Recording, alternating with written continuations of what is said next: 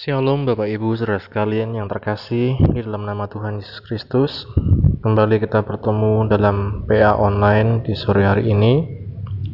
Sama-sama terlebih dahulu kita akan berdoa. Bapak terima kasih untuk kesempatan yang kau berikan pada kami Tuhan. Di sore hari ini kami akan belajar dari firman-Mu. Engkau yang buka setiap hati kami Celikkan mata rohani kami agar kami dapat menangkap isi hatimu dan mampukan kami menjadi pelaku firman-Mu. Kami bersyukuri Bapa dalam nama Tuhan Yesus kami berdoa haleluya. Amin. Ya. Bapak Ibu Saudara sekalian, saat ini kita akan kembali belajar dari surat Efesus ya. Kita sampai kepada Efesus pasal yang keempat. Kita akan bahas ayat yang ke-30 sampai ayat yang ke-32. Efesus pasal 4 ayat 30 sampai 32. Demikian bunyi firman Tuhan.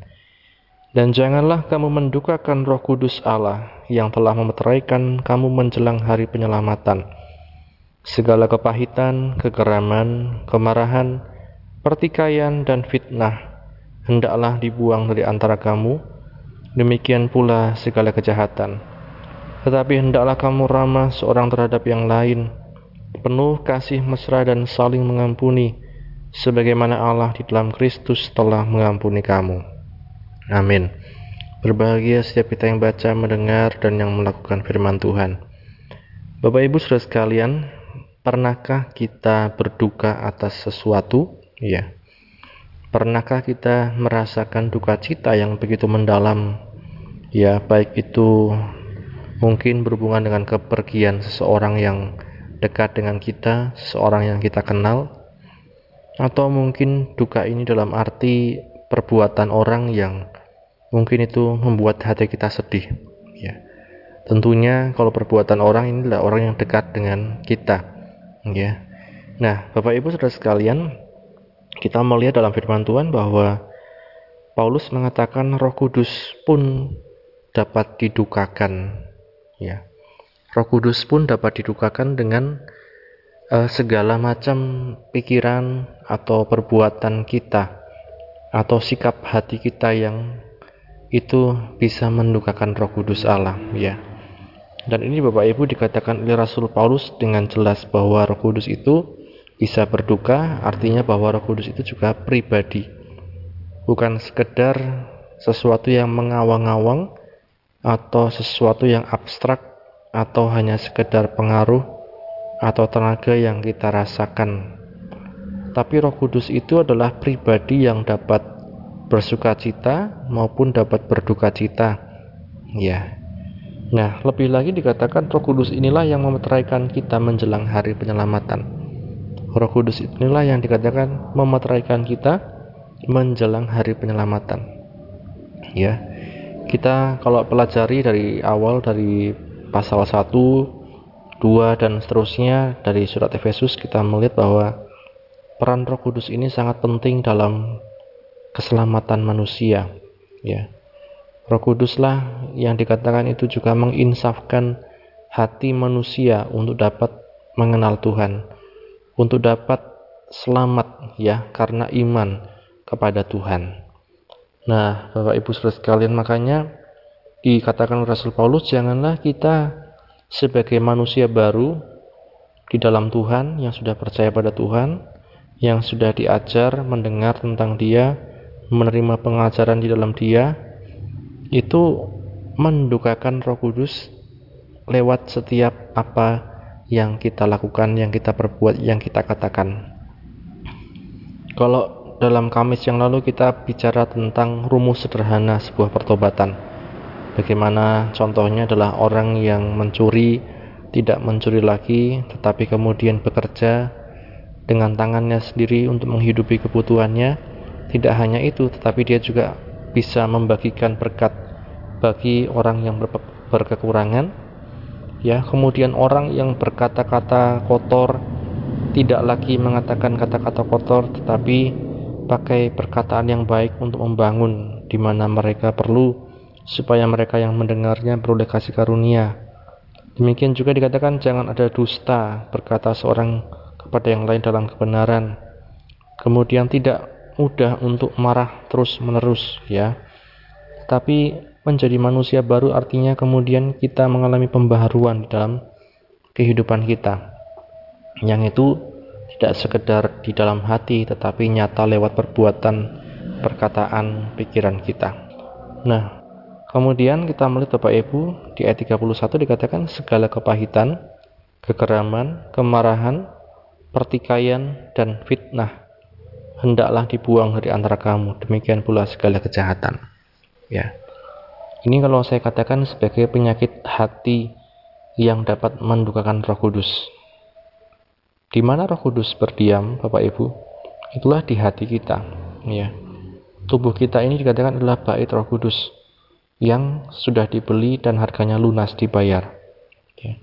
Roh Kudus berdiam di hati kita, berbicara lewat hati nurani kita sehingga ketika ada kepahitan, kekeraman, kemarahan, pertikaian, fitnah, hal itu dikatakan mendukakan Roh Kudus.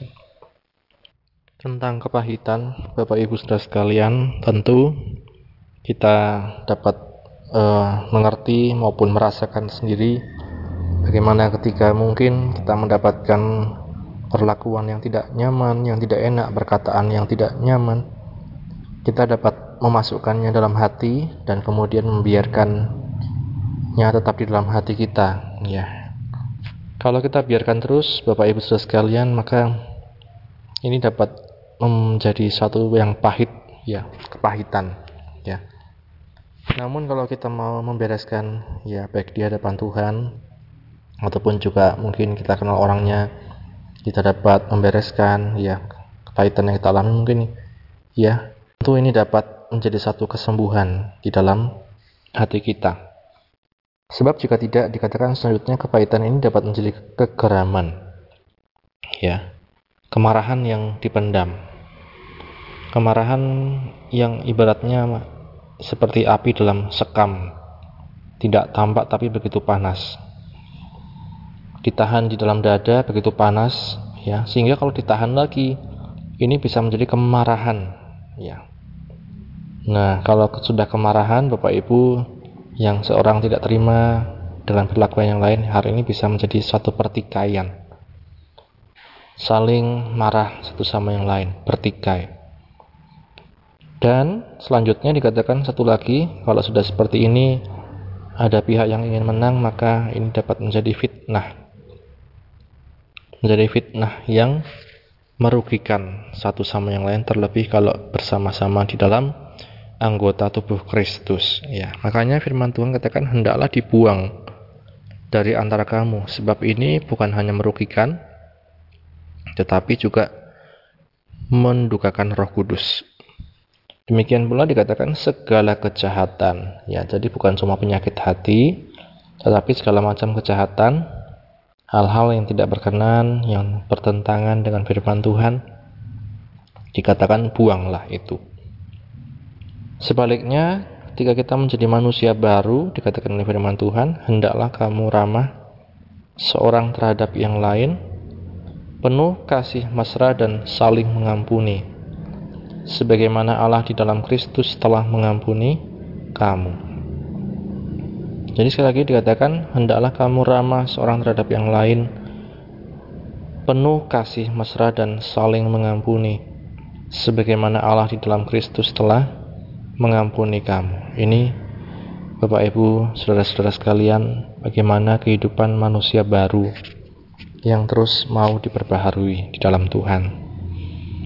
Itu sebabnya Bapak Ibu kita tidak mampu melakukan hal ini tanpa kita mau untuk terus-menerus diperbaharui dalam hati dan pikiran kita, ya. Tanpa kita mau untuk terus-menerus diperbaharui dalam hati dan pikiran kita ini berbicara tentang sesuatu yang berada di dalam diri kita sendiri. Tuhan Yesus pernah mengatakan orang tidak mungkin berkata kotor kalau hatinya tidak kotor. Apa yang kita masukkan ke dalam hati kita itulah yang akan keluar. Apa yang kita masukkan sebagai asupan dalam hati kita itulah yang keluar menjadi perkataan-perkataan kita. Karena Bapak Ibu Saudara sekalian, mari kita belajar untuk selalu menyenangkan hati Tuhan. tidak mendunggakan Roh Kudus. Terlebih Roh Kudus ini yang memeteraikan kita menjelang hari penyelamatan. Ya, Roh Kudus ini yang menginsafkan kita. Roh Kudus ini yang membuka hati kita untuk mengenal pribadi Yesus. Untuk mengenal secara benar seperti apa Tuhan itu. Ya. Inilah yang dikatakan oleh firman Tuhan sebagai mendukakan Roh Kudus Allah. Kalau di awal tadi saya menyinggung tentang kita bisa berduka karena orang dekat kita, ya, karena perbuatan mereka atau karena kehilangan orang dekat. Artinya apa? Kalau Roh Kudus itu bisa berduka karena orang percaya, itu artinya kita juga adalah orang-orang yang sangat dekat dengan Tuhan. Bahkan kita adalah anak-anaknya sendiri, umat kepunyaannya sendiri. Tuhan sangat ingin dekat dengan kita. Roh Kudus itu sangat dekat dengan pribadi kita, ada dalam hati kita. Karena itu kalau kita mendukakan, sampai mendukakan itu artinya juga di sisi lain kita sangat dekat dengan Roh Kudus, sehingga dia bisa berduka.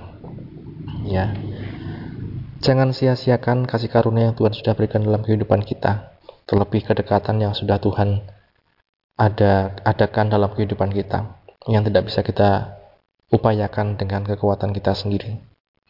Biarlah kedekatan dengan Roh Kudus ini membawa satu pengaruh yang positif, yang baik, menjadikan kita anak-anak terang di mana pun kita berada.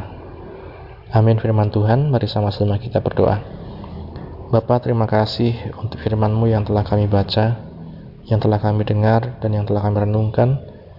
Engkau yang tolong kami Tuhan, agar setiap perbuatan, perkataan, maupun sikap hati kami Tuhan, tidak mendukakan roh kudus, Terlebih Roh Kudus yang begitu dekat dengan kami, yang membuat kami percaya kepada Tuhan Yesus, yang membuat kami dapat mengenal Engkau secara pribadi.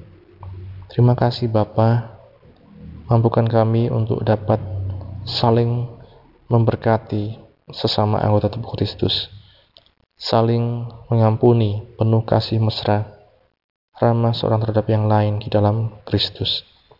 Sebab Engkau sendirilah Tuhan yang sudah memberi contoh bagaimana Engkau mengampuni setiap kehidupan kami. Terima kasih Bapa, berkati setiap jemaatmu yang sudah mendengar firman-Mu dalam tiap keluarga kami, usaha pekerjaan kami, kerinduan kami, cita-cita kami, Engkau yang tahu, Engkau yang selalu membuka jalan bagi kami. Ini doa kami Tuhan, dalam nama Tuhan Yesus kami berdoa, haleluya, amin. Puji Tuhan Bapak Ibu, Tuhan Yesus memberkati, amin.